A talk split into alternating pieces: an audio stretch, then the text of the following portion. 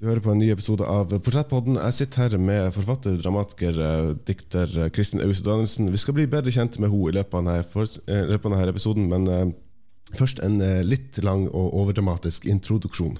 Spennende og varierte gjester. Hello, Matt. It's Steven here. Sterke stemmer fra inn- og utland. Altså, man har ikke bruk for å bli fortalt at man er feil. Hvem i all verden skulle ha glede av det? Som inspirerer meg. I've been doxxed a number of mm. times and um, and had my address posted and received many, many, many death threats. Som får meg til å tenke. The system has been built to exclude people like me. Og se på å forstå mer av verden jeg lever i. At du vokser opp i en sekt, da, er jo at du lever jo veldig beskytta for virkeligheten, for verden. Ny episode annenhver fredag, hvordan du hører på podkast. Du hører på Portrettpodden med Mats Lasse-Jangås.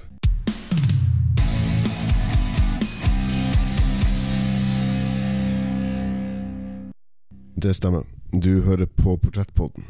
Podkasten hvor jeg intervjuer mennesker som inspirerer meg, som får meg til å tenke og se på å forstå mer av verden jeg lever i. Mitt navn er Mats Lasse-Jangås, og sammen med min gjest, forfatter, dramatiker, poet Kristin Ause Danielsen, skal vi være stemmene i hodet ditt den nærmeste timen. Kristin sto for alvor igjennom med diktsamlinga Alle i Norge i tre i hengekøyer dikt i 2005, og har siden den gang gitt ut flere diktsamlinger, skrevet to romaner og flere skuespill. Et av dem, Soga om oss, har premiere i dag, 6. april, på Rogaland teater. Kristin skriver mye om mennesker som ikke helt finner sin plass, som er rotløse, og som higer etter noe som ligger utenfor sin egen sfære om det være seg mennesker som ønsker å leve som dyr. Tilsynelatende suksessfulle kvinner som flytter hjem til foreldrene sine etter endte studier, eller om å være odelsjente på 90-tallet. Jeg har lenge sett opp til Kristin, og hun er en av mine absolutt favorittforfattere, så det var en sann ære at hun takka ja til å være med i denne episoden av Portrettpodden. Liker du denne episoden? Tips gjerne en venn eller to, og du kan også støtte Portrettpodden på Patrion. Med det ønsker jeg dere riktig god fornøyelse, og her er Kristin Austad Danielsen. Jeg sitter her med Kristin Austad Danielsen. Eh, hvordan har du det i dag? Uh, jeg har det helt fint. Ja. Eh, rolig morgen, fint vær ute. Ja. Det er 1. april. Det er OK. Ja, ja. Kunne, kunne fort vært verre på 1. april, for å si det sånn. Ja. altså, mens, vi, uh, mens, vi, prater her, bare for å datere når vi gjør opptak, så er det selvfølgelig 1. april, som du sa, og nå på, på onsdag, eh, altså 6. april, så er det premiere på Soga om oss på Rogaland teater, som uh, er ditt nyskrevne teaterstykke. Vi skal prate litt mer om det i løpet av denne episoden, selvfølgelig, men ønsker selvfølgelig å bli litt bedre kjent med deg i løpet av episoden også, så vi skal begynne der. Du er født på Torshavn på Færøyene. Mm. Hvordan, eh, hvordan er da eh, oppveksten på Færøyene eh, på 80-tallet? jeg var der ikke så lenge. Okay. Jeg, far min er fra Færøyene, og mor mi er norske, så jeg ble født på Færøyene, men så flytta de derifra når jeg var ett år eller noe. Okay så det, det, skulle jeg gjerne ha svart på. ja. Jeg har skrevet ned i, i researchen at det, det, må ha vært noen veldig sterke øyeblikk med å ha oppvekst der, men det har du tydeligvis ikke så mange minner av. Ja, ja, ja, det skulle jeg gjerne ha hatt, men jeg, har, jeg, jeg, jeg er da oppvokst på Vi bodde litt forskjellige plasser når jeg var liten, men det jeg husker best, det var når jeg var, jeg var sånn fire til åtte så mm. bodde vi gratis på en gard utenfor Sandnes, fordi far var som av, avløser der. Mm. Det var et sånn lite jordbruksområde rett ved siden av eh, Norges eh, største kjøpesenter, Kvadrat. Ja vel. Så jeg følte det var veldig sånn Jeg vet ikke om jeg tenkte det da når jeg var seks år, at dette var 80-tallets brytningstid med, med, med, kjøpesenter og landbruk. Men jeg tenkte kanskje nå at det var vi liksom eh, var veldig mye på kjøpesenter. Vi lurte oss vekk der. Mm. Ja, det var kanskje ikke seks, kanskje jeg var sånn åtte. da. Mm. Mm. Jeg tror, jeg tror hvis du som, som eh, åtteåring hadde hatt eh, eh, innsikt i, i eh, den sos sosiopolitiske brytningstida i, i, i Norge, så ville det vært forut for din tid, om ikke annet. ja. Eh, altså de, de første, første utgivelsene, så hvis jeg har eh, research rett, det håper jeg selvfølgelig, uh, var da 'Alle i Norge i tre i hengekøyer', dikt fra 2005. Eh, der har man blant annet eh, diktet 'Eit grisehjarte', som var bakgrunn for eh, Ferskesenders forestilling 'Rekviem for en gris' i 2013. Det skal også komme nærmere inn på løpet av denne episoden. Um, men hvis vi holder oss litt på, på brytningstida, for eh, vi er jo i, i, en, i en tid sånn generelt hvor man skal tenke mer grønt, og man skal ta vare på, på den planeten vi lever på. Um, og du er da eh, bosatt i Stavanger, som må sies å kunne være eh, petroleumsnæringens eh, ho hovedstad. Og når du da skriver stykket 'Soga om oss', som er eh, om eh, oljenæringa, hvordan type reaksjoner får du da fra de lokale innfødte? Nei, det er jo det jeg lurer veldig på, da. Mm. Det er veldig spennende, for det at jeg har liksom Ja, det at jeg vokste opp liksom litt på landbruket, men far min jobbet jo òg i olja og var med og bygde disse her Kondi-plattformene Mm. som på 80- og 90-tallet uh, i Jåttåvågen, som er liksom hva skal jeg si, Det er liksom langs kysten mellom Stavanger og Sandnes, som er et veldig sånn um, var et sånn veldig sånn industriområde. Um, eh, så, så jeg har skrevet om, om det.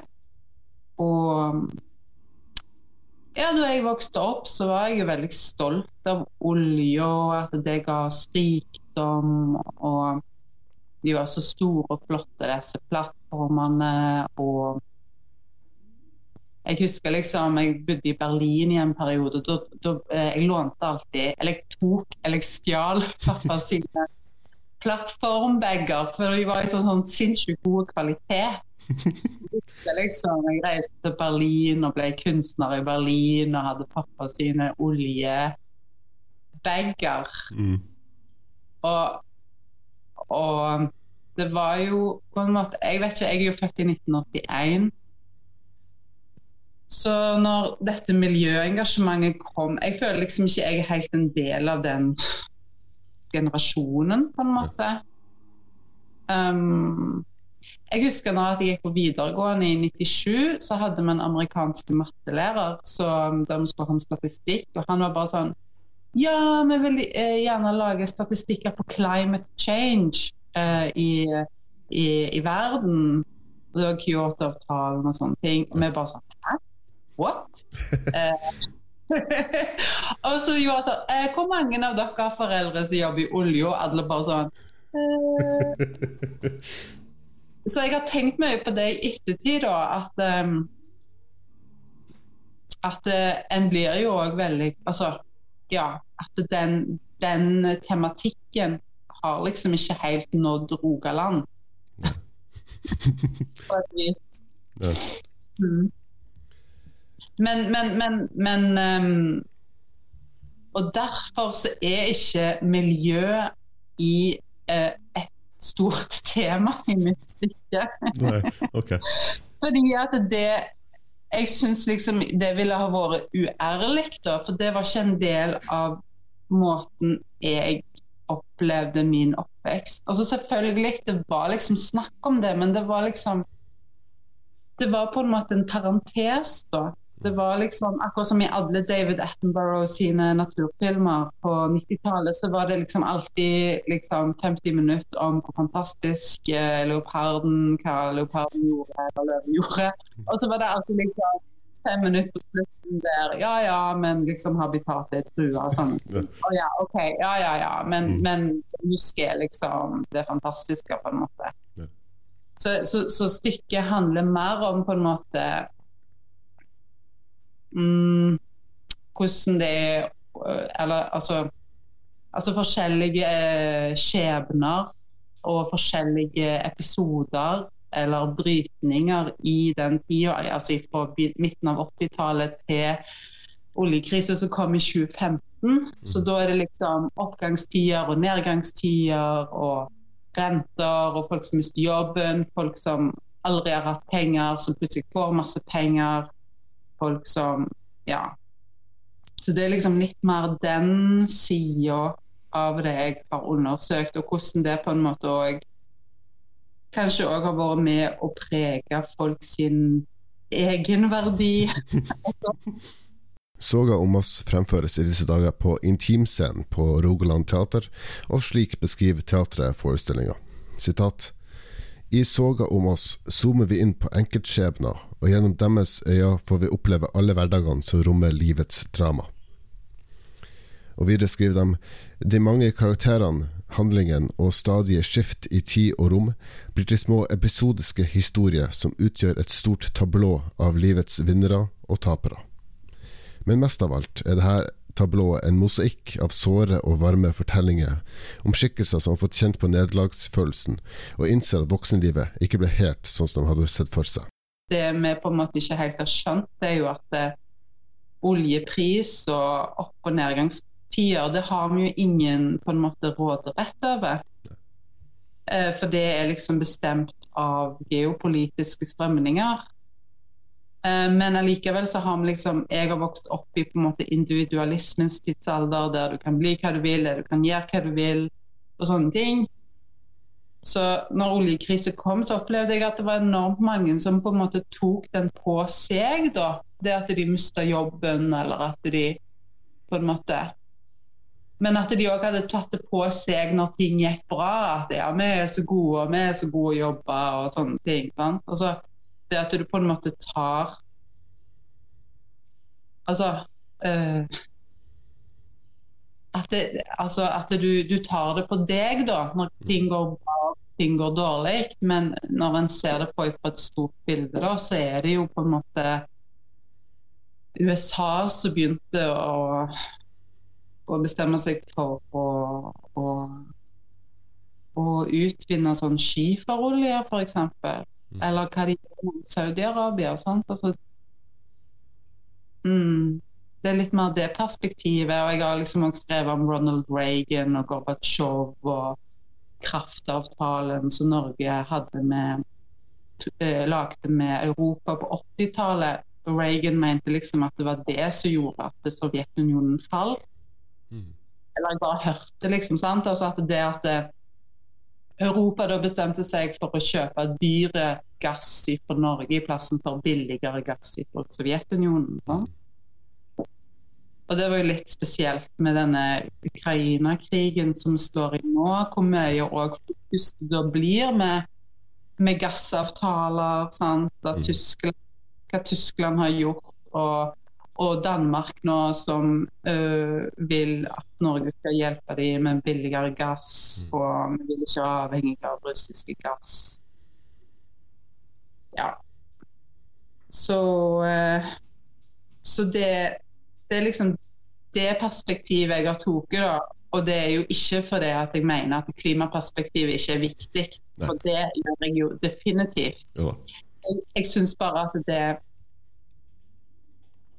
det ville være, ja, som jeg sa, liksom uærlig hvis at jeg skulle påta meg at jeg var en sånn en liten blekkulf når jeg var åtte år. Som, som liksom var sinte på pappa fordi han jobbet i olja. Men for det at det var jo en, en velsignelse for vår husholdning at pappa jobbet i olje. Ja. Ja. Mm.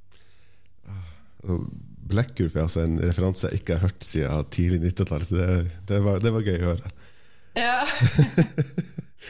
Jeg husker du de videoene med 'skru av motoren din, gjøk'? og forurense?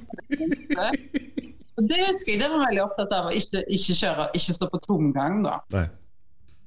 Det har vi det, jeg det på, på tape. Eh, Kristin Aus- Auseth Hansen er militant klimamotstander. You heard it here first. um, det er kanskje vanskelig å, å, å si det siden stykket ennå ikke har hatt uh, premiere, men, eh, men hvordan, uh, altså, hvordan forventninger har du til, til hva publikum skal sitte igjen med. For det er jo, det er jo gjerne altså Størstedelen av publikum innbiller meg vil jo være uh, mennesker som har veldig sterkt personlig forhold til oljeindustrien. Mm. Altså, Jeg har jo prøvd å gjøre research, men det er jo liksom ikke hvordan en plattform blir bygd og konstruksjonsmessige detaljer jeg er opptatt av. Det er jo mer på en måte menneskeskjebner og sånne ting. Mm. Men jeg er veldig redd for å bli tatt for sånn Nei, den blir ikke bygd på den måten. Det er feil, eller at um, Og det, det er nok et ganske mørkt stykke, så jeg var litt sånn Å, for det, var, det har òg liksom blitt litt sånn utsatt pga. covid og sånne ting. Mm. Så sånn, og hvorfor skal jeg skrive et stykke om oljekrisa når vi nettopp kom ut av koronakrisa og eh, det er krig i Ukraina? Altså, det Men det er jo ikke alltid det en kan styre, da. Sant, vel? Eh, hvordan sånne, hvordan sånne prosesser er. Men jeg, ja, jeg er utrolig spent. Men, men eh, jeg, snak, jeg, snakket med regissøren, og hun sa iallfall at det var noen av skuespillerne som kjente seg veldig godt igjen i karakterene. Og det tenker jeg jo er et godt tegn, da. At jeg har iallfall truffet noe. Mm. Mm. Og det er også bare for å ha det på, på det rene, det er altså regissør eh, Victoria Meirik. Sånn da.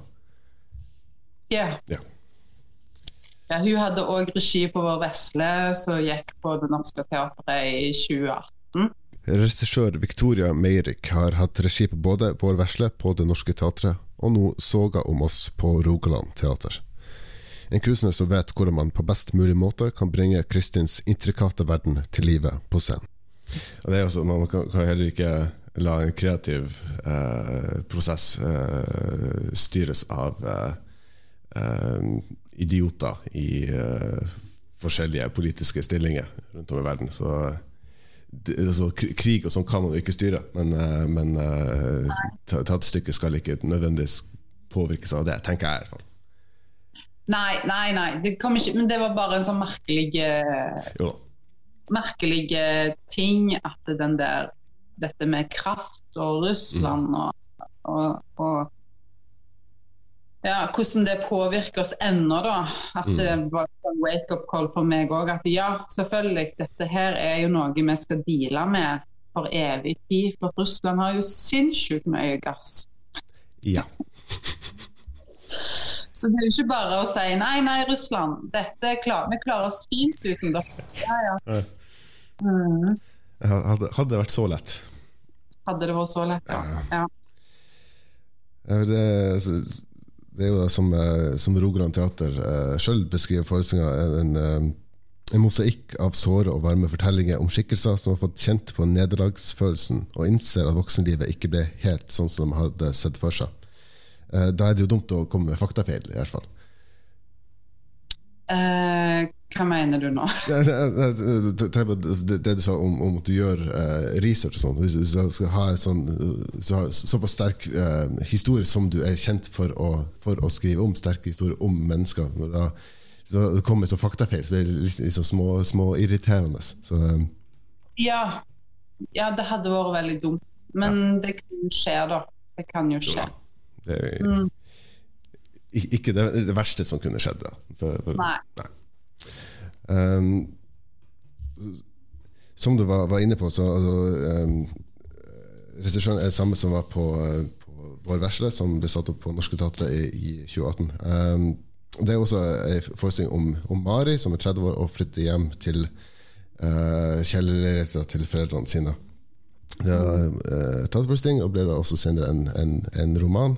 Vår vesle handler om Mari. Hun er 30 og har tilsynelatende alt på stell. Solid familiebakgrunn, økonomisk trygghet og et godt nettverk. Likevel flytter hun inn i kjellerleiligheten til foreldrene etter studietida i Gøteborg. I Vår vesle skriver Kristin Ause Danielsen om en tilstand som har fått større omfang i senere tid. Unge mennesker som ikke skulle ha det vanskelig, kjenner seg overveldet av livet og kommer seg ikke videre. Vår vesle er historie om å flytte hjem, starte på nytt, om savnet etter det som aldri ble noe av. Jeg tenkte litt på det når jeg så en beskrivelse som Rogaland Teater skriver nå om, om Soga om oss, og det, det at altså, den, eh, en slags sånn nederlagsfølelse, at voksenlivet ikke ble helt sånn som de hadde forestilt seg at det skulle bli, så er, det da en det blir kanskje litt, eh, litt vel stort tenkt, men er det en slags sånn rød tråd mellom, mellom Ikke nødvendigvis at de to henger sammen, men er det en slags sånn rød tråd i din, din litteratur? da, At det, altså, voksenlivet kanskje ikke helt blir sånn som man har sett for seg? Ja, det er et god observasjon at eh, jeg følger nok opp den eh, tråden med Såga om oss. At, eh, at det er noen karakterer i Såga om oss som ligner på Mari. Mm. Og, og at ehm, Ja, Mari ligner jo òg litt på meg. Eller hun ligner ikke så veldig på meg, men hun ligner litt på meg på den måten at uh, da jeg var veldig liten, var, eller da jeg var liten, så var jeg sånn typisk flink jente. Altså var flink på skolen. Og så og så har jeg jo gått en vei som ikke Jeg har ikke gått juristveien eller medisinveien eller eh, Altså ha- hatt en idé om at du kan bli hva du vil, Mm. du kan gjøre hva du vil, alle mulighetene er der, ta for deg.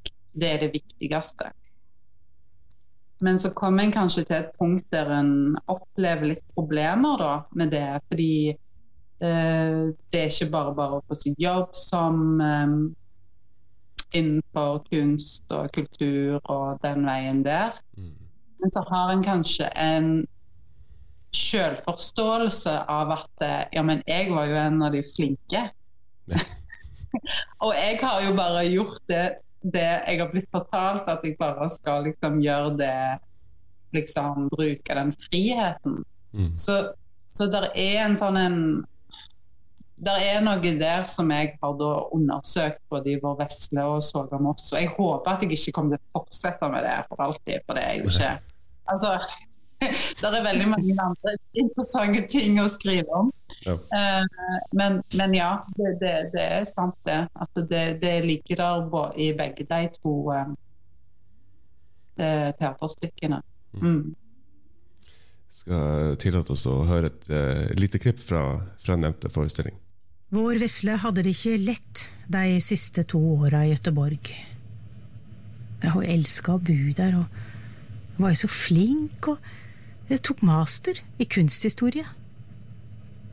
Men hun møtte på motbør. Nettopp. Hun måtte sjukemelde seg av aborten. Ja, vi må bare si det som det er. Da datter vår kom hjem ferdig utdanna, hadde hun blitt rein fugl. Vår vesle. Du hører på Portrettpodden med Mats Lasse-Jangås.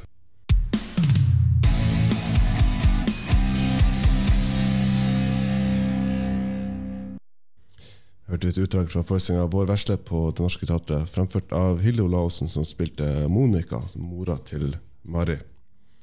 Um, hvordan er det da å se et univers som man sjøl har skapt, som både ligger og kverner i, i hodet, og karakterer som man kjenner bedre enn seg sjøl i mange tilfeller, blir eh, brakt til live av eh, skuespillere og, eh, og kunstnere på en scene, og det at noen andre skal gestalte ditt, ditt univers. Hvordan føles det? Ja, det føles jo Det er jo en veldig sånn privilegert uh, følelse. Eh, og så er det jo selvfølgelig eh, helt fantastisk når at eh, det ligner på det jeg har tenkt. Og så er det ikke alltid så fantastisk hvis det er ganske langt vekke. Nei. Så det, det det, det det er mm, eh, Det kan være begge deler. Fordi at det er jo noe med at jeg eh, har gitt denne babyen ifra meg, og da må jeg òg stole på at folk eh, Altså at den klarer å, å leve i, eh, sammen med andre uten at jeg At jeg står og, og, på sida av bestemmer. bestemme. Men det er Hva skal jeg si? Det det, det er noe jeg på en måte mm, ennå lurer veldig på, da, hva dette her er. Og som forfatter så er det jo når diktsamling og Altså det å bli lest uh, Jeg gir jo ut både diktsamlinger, og nå gir jeg ut min andre roman. Det er på en måte ikke så skummelt som å få ting oppført på en scene. Nei. Og da merker en jo i salen med en gang hva reaksjonene er, hvordan skuespillerne jobber med det, hva de har tenkt, hvordan de har det med det. Um, det er en mye mer overveldende og sterk eh, følelse um, å sitte der. Så um, jeg skjønner de som ikke har lyst til det. som ikke, eller som ikke går på premieren, men jeg tenker jeg, jeg må jo gjøre det. Jeg må gjøre det uansett. Mm. Uh. Så nå gjør jeg bare masse, masse yoga, sånn at jeg skal tåle Ja. Det høres sikkert veldig dramatisk ut, men, men jeg syns det er jeg synes det er veldig veldig spennende òg. Det er en veldig tiltrekning til scenen og skuespillere og til teater. Jeg syns det er utrolig spennende univers. Og jeg føler liksom ennå ikke helt jeg har knekt den koden for hva, på hva det betyr å skrive på scenen. Så jeg liksom åh, jeg har bare så lyst til å knekke den koden og skjønne hvordan jeg skal gjøre det. Sånn at det, Ja. ja. Mm. Jeg tenker også i, i mitt eh, eh, enkle sinn altså, eh, Vår versle for eksempel, fikk veldig mange gode eh, anmeldelser når det ble satt opp på, på Norske Teatre. Og det så vidt jeg forstod, var også bestillingsverk fra Norske Teatre. Så det, du har jo da tydeligvis knekt den koden, og, eh, om ikke helt, så i hvert fall eh, godt på vei. da Eh, ja, ja, det gikk veldig bra. Det gjorde det. Men jeg, jeg er liksom ikke jeg, jeg, Det er ikke sånn at jeg setter lener meg tilbake og liksom Ja, nå er alt good. Og det, er, det er en evig søken, og det er det som på en måte jeg jeg interesserer meg for. da Det å hele tida på en måte lete etter nye ting og sånne ting. Det er jo ganske langt Var det ikke du som hadde sett eh, 'Gris eller rekviem for en gris'? Ja. Så det er jo på en måte et teaterstykke som er på et helt annet plan. Å ja. Ja. Sant? Mhm. Altså det var, det var noe helt annet enn eh, liksom eh, 30-åringer som flytter hjem og ja. For, for, for å si det pent, så er det det. Ja. Mm. ja. Ja, men For å ta det helt altså, eh, på for en gris var jo da uh, forestilling hvor da uh, tre personer tar inn på uh, dyrehotellet Stallen, uh, hvor man da kan uh, leve ut sitt, sitt indre dyr. Eh, og da har en blant annet en gris og en sjiraff. Um, og at ting, ting utvikler seg, seg derifra. Um, kommer kanskje litt nærmere inn på det i, i, i, løpet, av, eh, løpet av samtalen. Men um, for, for, å gå, tilbake til Du har ikke helt knekt den koden, sier du, men uh, så er, er, du da sånn, sånn stereotypisk dramatiker som, som, henger over skuldra på regissøren? Ja, men, men altså, karakteren ville ikke gjort det sånn, egentlig. Altså, egentlig så skulle, skulle gjort det sånn, så, så, Er du pirkete? Nei, nei, nei. Jeg har ikke vært borti prosessen i det hele tatt. Jeg har snakket med Victoria én gang, og nå lurer jeg på om jeg skal ringe henne bare for å si kan jeg få lov til å se det før premieren. For det at Så jeg vet hva jeg går til. Men, men ja, nettopp. Det er det jeg har tenkt at det vil jeg ikke, for at det, eh, det blir veldig rotete. Da må jeg nesten ha avtalt det på forhånd eh, hvis at jeg skulle få lov til å henge over Victoria og si sånne ting. Mm. Så det, det har jeg unngått. Ja. Mm. Mm. Vår, vår verste beskriver Victoria som eh, sosialdemokratiets eh, svanesang. Og eh, ifølge Rogaland Teater ser Sog om oss ut til å bli eh, en veldig, veldig viktig forestilling. Ikke bare om oljeindustrien, selvfølgelig, men, men eh, de mellommenneskelige relasjonene og hvordan vi, vi påvirkes av, av ytre faktorer. Så er det da en Uh, mulig jeg uh, legger for mye inn i det, jeg skal ikke, heller ikke legge ord i munnen din, men er, det uh, et ønske om, om, å skape kunst, teater, dikt eller romaner, som, som, stiller spørsmål, og som svarer på de spørsmålene som du allerede har? Altså Du tror at jeg har svaret på de spørsmålene som jeg stiller? Er det ja. det du tenker på? Ja. Ja, jeg har jo mange meninger om forskjellige ting, da. Mm. Det har jeg. Men det er ikke sant at jeg er så veldig bevisst det uh, nødvendigvis uh, når jeg skriver. Mm. Um, men det er klart at det så om oss var jo Altså det å skrive teaterstykket om olja, det var noe jeg har hatt lyst til veldig, veldig lenge. Og jeg har hatt veldig lyst til å sette det på Rogaland Teater pga. publikum. Og at det var noe med Altså, jeg flytta jo hjem til Rogaland når jeg var 30. Da hadde jeg liksom brukt 20-åra mine som student og blitt forfatter og bodd liksom Jeg flytta først opp til Tromsø og bodde mm. der noen år. Og så flytta jeg til Berlin og bodde i Århus i Danmark noen år, og Oslo og litt tilbake til Tromsø. og så, så jeg syns jo at når jeg flytta tilbake til Rogaland eller Stavanger ja, Først bodde jeg jo ute i Gjesdal og Ålgård. Så, så hadde jeg jo et helt annet blikk på mm. folk og, og øh, Folk og, og mm, og, og, plassen, da. Og, og hadde sett, liksom Stavanger hadde jo egen Akne-butikk. Mm. På starten av altså rundt 2010. Det er liksom alle de rike ungene møttes i juleferien og studerte på rike skoler. Og, mm. og jeg ble overgitt over liksom alle de svære, dyre bilene. Og sånt. Og jeg tror kanskje ikke jeg ser det så godt lenger, for nå har jeg jo bodd her i ti år.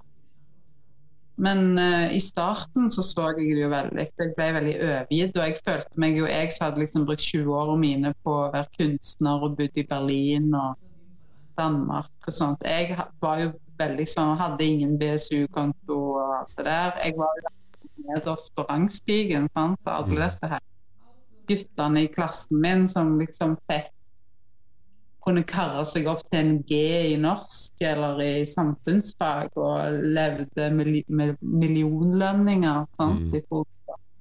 Det var liksom mange sånne ting, da. Veldig mange sånne paradokser. Kjente på veldig mange sånne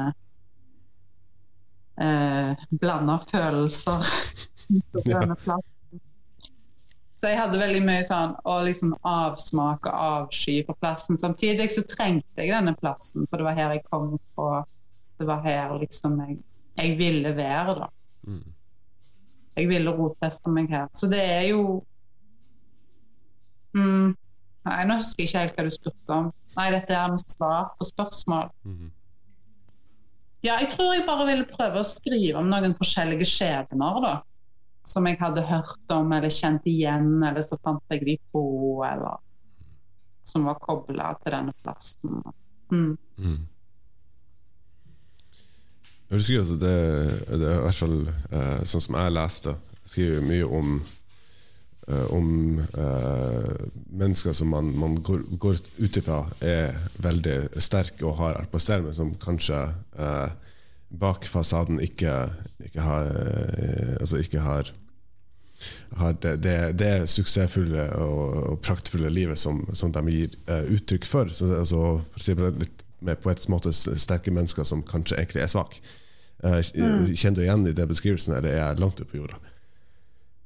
Ja, eller iallfall det å være en ressurs eller å være mm. flink. Det betyr ikke at du på en måte håndterer livet, eller uh, ikke kommer borti utfordringer, da som setter en på prøve.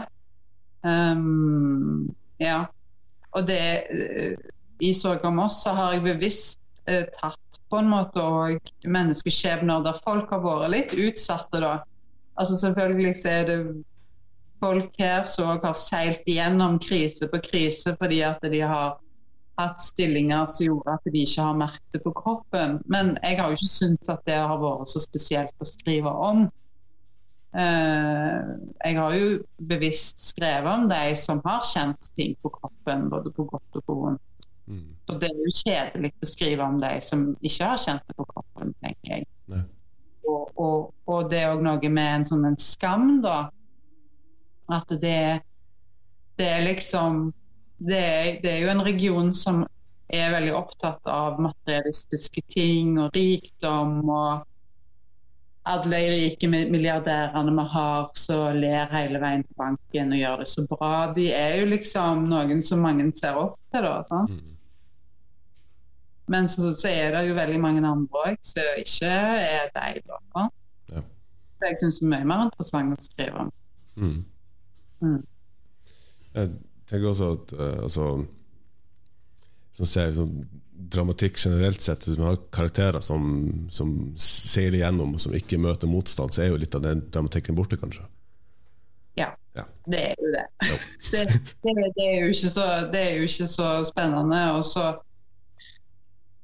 og så er det jo noe med å sitte der og virkelig oppleve en karakters smerte. altså, det, det, det syns jeg jo eh, dramatikk skal, da. Mm. Og at det kan generere identifikasjon, eller at det, mm, Mm. det syns jeg jo dramatikken skal gjøre. Ja. Mm. Du hører på Portrettpodden med Mats Lasseangås.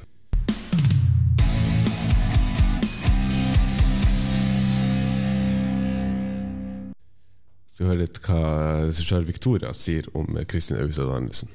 Hun er uredd i å, å balansere på en knivsegg mellom det banale, dramatiske, humoristiske, sorgfulle. Og hun har et politisk prosjekt. Politikken i det lille livet. Altså politikken i lommeboka. Altså det, det, det, det er det at hun tør å bevege seg innenfor noen sjangere som er veldig utfordrende og vanskelige. Så er det akkurat som hun klarer å få til det som jeg ikke ser så ofte. Hun skriver om de svake som du forventer skal være sterke, og omvendt. Um, så det, det er modig, syns jeg. Det er altså regissør Victoria Meirik. Eh, Kjenner du igjen i den beskrivelsen? Uh, ja, eller jeg vet Det var jo veldig fint sagt. Mm. Det, var mm, Det var Det, det er iallfall Hva skal jeg si medaljens bakside, da. sant? Altså, det er det jeg har villet få fram, da. Fordi at det media og identifikasjonene og, og liksom er liksom bare så fullt av disse disse disse oppturhistoriene, da. Mm. Eh, og, og jeg vil også liksom skrive litt om en kan nesten, Jeg mener jo det at folk i Rogaland kan nesten kjenne på kroppen når oljeprisen er svak eller sterk. Ja. At den har nesten gått inn i sjela eller inn i ryggmargen vår. eh, og at den er Den er veldig eh, Ja. Syns det er veldig interessant. Det, det er liksom et veldig eh, ja, det er en interessant plass å bo i òg, pga. at det er liksom så mange sterke krefter som liksom styrer livene våre, og hvordan ting skal være, da. Eh, så ja, jeg har jo prøvd å liksom prøvd å vise det litt fram. Mm. Så er det eh, innafor å si at du eh, skriver om, om karakterer som på en måte, eh, kikker etter, etter noe mer, noe de, de ikke har eh, oppnådd, som de kanskje Altså det er en, en drøm som har vist seg å være mer medaljens bakside enn enn, eh, et glansbilde. Ja, Der kan du jo si at det ligner litt på 'Requiem for en gris'. Mm. Der har jo òg en drøm. Ja. om, å, om, å, om å finne sitt indre dyr, eller leve ut sin um, Leve ut sitt egentlige jeg, da. Og, og, og her er nok òg drømmen mer. Altså velstand. Uh, det å knytte velstand opp til en form for uh, Ikke lykke, men at velstand òg gir en sjølverdi, da. Um, og trygghet og mm, Mm. det, det Ja, jeg tror det var det, det jeg har liksom prøvd å, å undersøke og skrive om. Velkommen. Jeg heter Ruth. Jeg heter Ruth. Jeg heter Ruth. Og driver det eneste dyrehotellet i Norden. Dyrehotellet Stall. Her får du kost og losji for 10 000 kroner i veka. I forhold til de tyske hotellene fokuserer vi mye på det indre.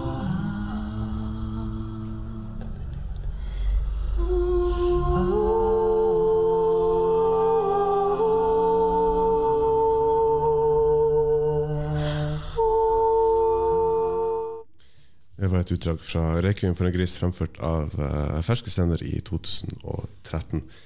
Um, I den anledning sa også uh, dramaturg Kristin Bjørn om, om det stykket at uh, hun syntes det var så fascinerende å lese din dramatikk og dine formuleringer, og at det, det er det indre og ikke det ytre dyret som teller. Så, så vil du da si i en litt vel poetisk overført betydning at det er den uh, menneskelige tilstand som, som, som uh, er, ledetråden når, når, når du uh, skriver historie? Altså er det human condition som driver deg, eller er det et ønske om å utforske ulike skjebner som, som, som fascinerer deg? Um, altså, grunnen Altså, jeg, jeg, tror ikke, jeg tror ikke jeg tenker så veldig sånn overordna tematisk på når jeg skriver. så 'Requiem for en gris' heter jo utgangspunktet 'Danish Crown'.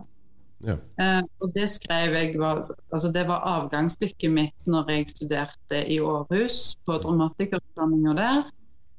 Og uh, jeg tenkte dette her er den eneste gangen jeg noen gang er garantert en oppføring på en scene. Jeg må gjøre det så drøyt som mulig. Jeg må, liksom, jeg må liksom bare slippe alt jeg har av hemninger, og bare gjøre akkurat det jeg har lyst til. Og, da, og det gjorde jeg. Eh, og det, Ja, det gjorde du. og, så, og så tenkte jeg OK, hvis det skal være drøyt, da, hva, hva vil jeg da? Og så kom jeg liksom over denne her eh, Leste i et sånt tysk magasin som heter Dummy, om en plass i Tyskland, selvfølgelig. Mhm. Der du på en måte kunne innkvartere deg på en bondegård. Og liksom leve inn, eh, bo i en bås og bli fôra og mata, eh, eller mata, eh, og stelt og vaska. Og leve som et dyr, da. Sånn? Og det syns jeg jo var Ja, det er jo drøyt, da. Eller det er jo interessant og spennende. Kan jeg skrive om det? Og så tenkte jeg på Animal Farm.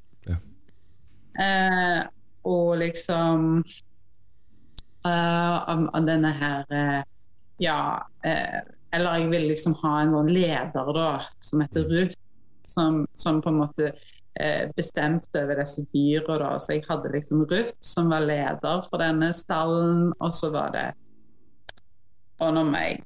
Og så var det en som ville bli sjiraff, og ei som ville være hund. Og så var det selvfølgelig han som ville være gris. Ja. Og det var, han var liksom hovedperson. Og så var jeg litt sånn Ja, men eh, jeg skriver jo om Danmark. Jeg skriver jo om eh, Danmark er jo på den tida liksom verdens største svineprodusent. Og den svineprodusenten heter jo Danish Crown. Ja, heter Danish Crown. Ja. Og da, og da teateret skulle sette opp Danish Crown, da, så var de sånn Ja, eh, jeg tror vi må spørre Danish Crown om de syns det er greit. Kan det være lurt? Og de bare sendte meg Hei, vi har ei som skriver teaterstykke som heter Danish Crown, går det fint? Det handler om folk som gjerne har lyst til å bli dyr. Eh, og de bare eh, Nei, det får ikke hete Crown. Nei, nei. Så da heter det Et grisehjerte i Danmark. Og så eh, eh, lagde Kristin Bjørn en ny tittel, 'Rekviem for en gris', og Ferske scener setter det opp i Tromsø. da. Mm. Eh, så det var Ja, det var liksom bakgrunnsstoff for eh, det teaterstykket. Mm. Og eh, utrolig flott eh, stykke. Ja. Eh, teateret Altså, da jeg, Tromsø var jo der jeg lærte å skrive, og jeg ble jo fort kjent med Kristin og Bernt Bjørn, som på en måte er sånn et eh, helt spesielt kunstnerpar, som har på en måte holdt på med på det frie scenekunstfeltet i Tromsø siden 80-tallet. Eh, og turnert land og strand og gjort masse spennende. Og driver Vårscenefest, eller er iallfall knyttet til Vårscenefest. Og, eh, ja, veldig sånn Veldig, veldig inspirerende folk, da. Veldig kloke og bra folk. Så det var utrolig kjekt at de ville sette det opp. Ja. Mm. Jeg vil også eh, tørre å påstå at 'Rekviem for en gris', eh, eller eh, 'Et grishjerte' for den saks skyld, er bedre tittel enn 'Gilde' og 'Prior' og sånne ting. da Men det har litt, litt mer sosialkraft, kanskje. Ja, ja, ja jeg, jeg, Gilde hadde vært et uh, dårlig navn, det er jeg enig i. Så det var det, Requiem for en gris var en bra. Mm. Altså, mulig jeg bare tenker, det på dritt, altså, men altså, hvis jeg hører Danish Crown, så tenker jeg på, på Hamlet, men eh, det, det, det, Ja, men selvfølgelig. Det tenkte jeg jo var kult, da. Jo, jo. Ja, ja. Ja, ja. Av og til møter man motstand i det kreative feltet. Ja, jeg tenkte jo at det var bra. Da har jeg endelig blitt sensurert. Jeg er en ekte kunstner. Nå har jeg klart det. Ja. Jeg har vært eh, innom i løpet av episoden og pirka i det at du eh, begynte på forfatterstudiet i, i Tromsø, tok eh, dramatikerutdanninga eh, i Århus. Um, så hva kom da den, den, den trangen til å fortelle historier? Altså det, du, du har jo mange forskjellige medium som du benytter av til å fortelle historier, på, på scene og, og i roman- og diktform. Eh, hvor, eh, hvor kommer den interessen som er så sterk at du må fortelle de historiene? Jeg, eh, jeg syns vel bare at det er den beste plassen å være på jord. Det er når man er uh, i en skriveprosess og eh, Og Altså, jeg vet aldri helt hvor jeg skal i en skriveprosess. Og, og, og det å oppdage nye ting i en skriveprosess, og en er i en, i en flow, og alt bare flyter, det er det er en fantastisk plass å være. Da føler jeg meg eh, så fri og lykkelig. Og det er så meningsfullt for meg at, eh, at det er nok derfor jeg holder på. Og så um, mm, har jeg nok vært ganske forsiktig òg med at jeg jeg begynte jo med dikt, og det tok ganske lange tid før jeg begynte å skrive roman. Så jeg har jo òg vært litt sånn forsiktig type. Og så har jeg hele tida veksla, fordi at eh, Det er ikke sånn at jeg er så interessert Ja, du sier jo 'så om oss' og 'Vår vesle'. Der er det noen like ting, men jeg har òg skrevet om veldig mye forskjellig. Og det tror jeg jeg òg syns er veldig meningsfullt å på en måte skifte skifte form og skifte spor. Og når jeg skriver dikt, så er jeg veldig alene, men når jeg skriver teater, så må jeg på en måte kommunisere med noen folk. Så, så det er Det er Det er veldig spennende å bare undersøke ting.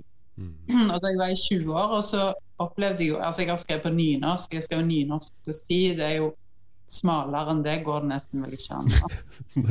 Gjøre det å liksom skrive om mennesker som gjerne vil være dyr. altså jeg tenkte også veldig lenge at jeg var en veldig sånn smal forfatter, og at jeg likte veldig godt det smale og rare og outrerte og sånne ting. Men, men da jeg fikk Vår Vesle og satt i salen og opplevde at folk grein og lo og sånne ting, så syns jeg jo at det var òg veldig fint. Da følte jeg liksom at eh, jeg ikke Altså, ja, at det, det var en sånn en eh, eh, Det var òg veldig, veldig flott å oppleve at jeg hadde liksom skrevet noe som ga andre noe. At jeg ikke bare ga noe rart til folk, mm. men at jeg ga noe som liksom kunne treffe folk litt mer sånn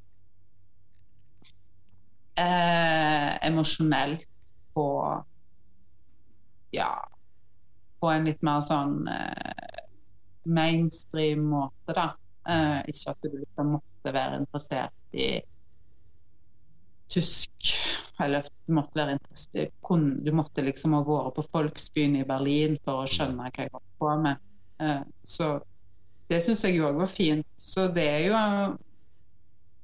det er jo hele tida en sånn prosess der jeg syns at jeg på en måte lærer nye ting hele tida, og, og sånne ting. Ja. Eh, Sanna renner veldig fort ut av timeglasset, men jeg har et par, par spørsmål til på, på blokka eh, før jeg lar det gå, hvis, hvis, hvis det er, er i orden. Mm. Um, det eh, jeg, jeg, syns var en interessant um, kontrast, da, som jeg gjerne ville ha dine høre dine, din tanker om, var at uh, så ble du utnevnt til uh, årets Stavanger-kunstner i, i 2019. Uh, og i 2020 går vi rett inn i en, eh, inn i en pandemi. Så hvordan, hvordan føles det da å være eh, den som representerer Stavanger i ett år, og så stenges eh, hele verden rett etterpå?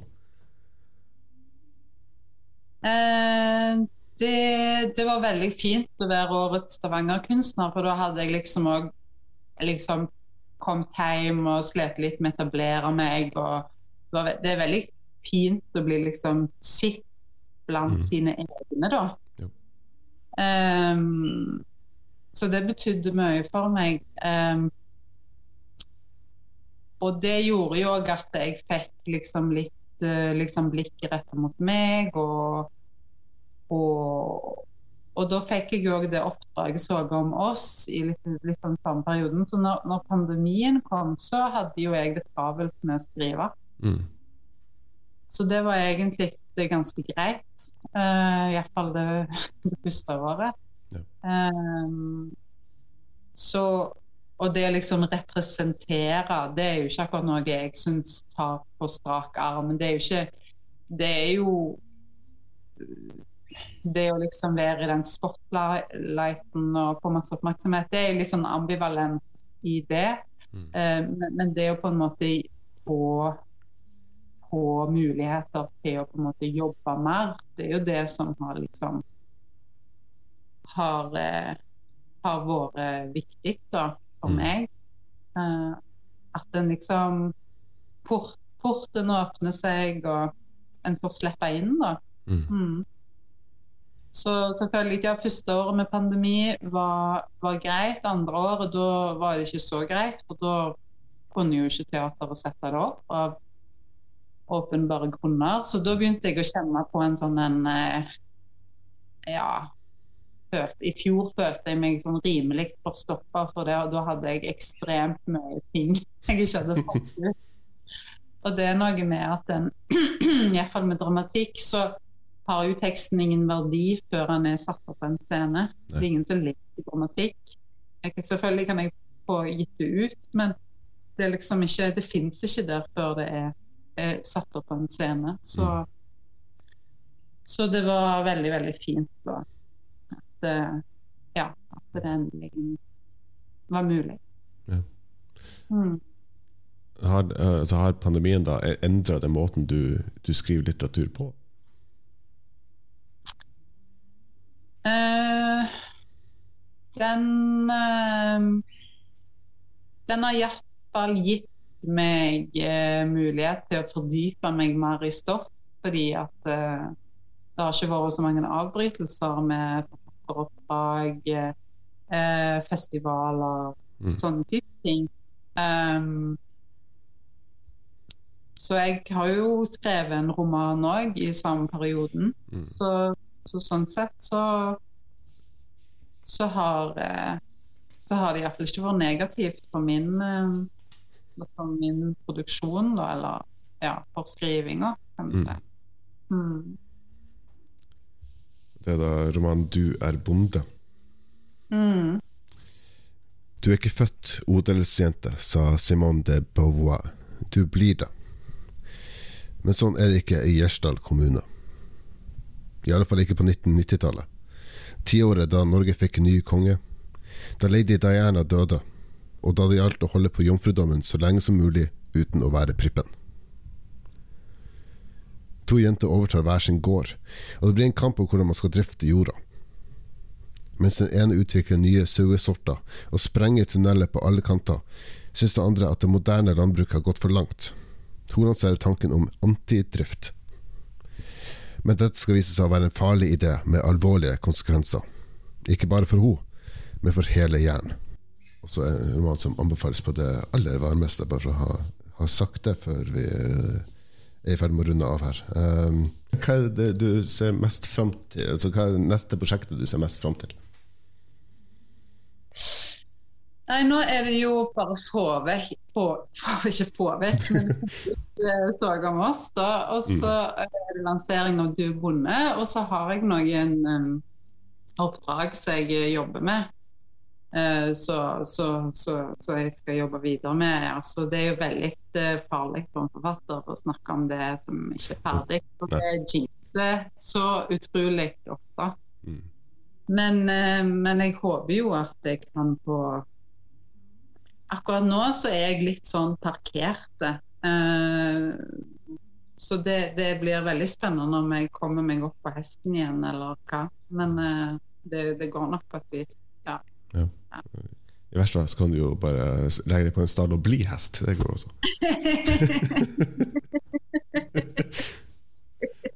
ja, for det er jo Det, det kommer jo til å gå veldig bra. Å, ja. Bli hesta og strigle og sånn. Ja. Ja. Hvorfor ikke? Det, det, den, den dype filosofiske eh, noten, så, eh, så, så avslutter vi denne episoden av eh, Portrettpodden. Det har vært eh, en stor, stor glede å ha eh, Kristian Austed Andersen som, som gjest i denne episoden. Eh, tusen takk for at du tok deg tid til å, til å være med. Jo, takk for at jeg fikk bli med. Veldig kjekt. Du har hørt på en episode av Portrettpodden med meg, Mats Lasse-Jangås. Og min gjest i denne episoden var forfatter, dramatiker og poet Kristin Austad Danielsen. Min takk til Kristin for at hun tok seg tid til å være med i denne episoden. Soga om Moss spilles nå på Rogaland teater, og alle i området bør kjenne sin besøkelsestid. Alle lydklipp i denne episoden er innhenta med tillatelse fra bl.a. Ferske Scener og Det Norske Teatret, og benyttes i henhold til sitatrett. Portrettpodden arbeider i henhold til Vær varsom-plakatens regler for god presseskikk. Husk at du kan støtte Portrettpodden på Patron, og tips gjerne en venn eller to. Takk for at nettopp du hørte på. Og vi høres snart igjen.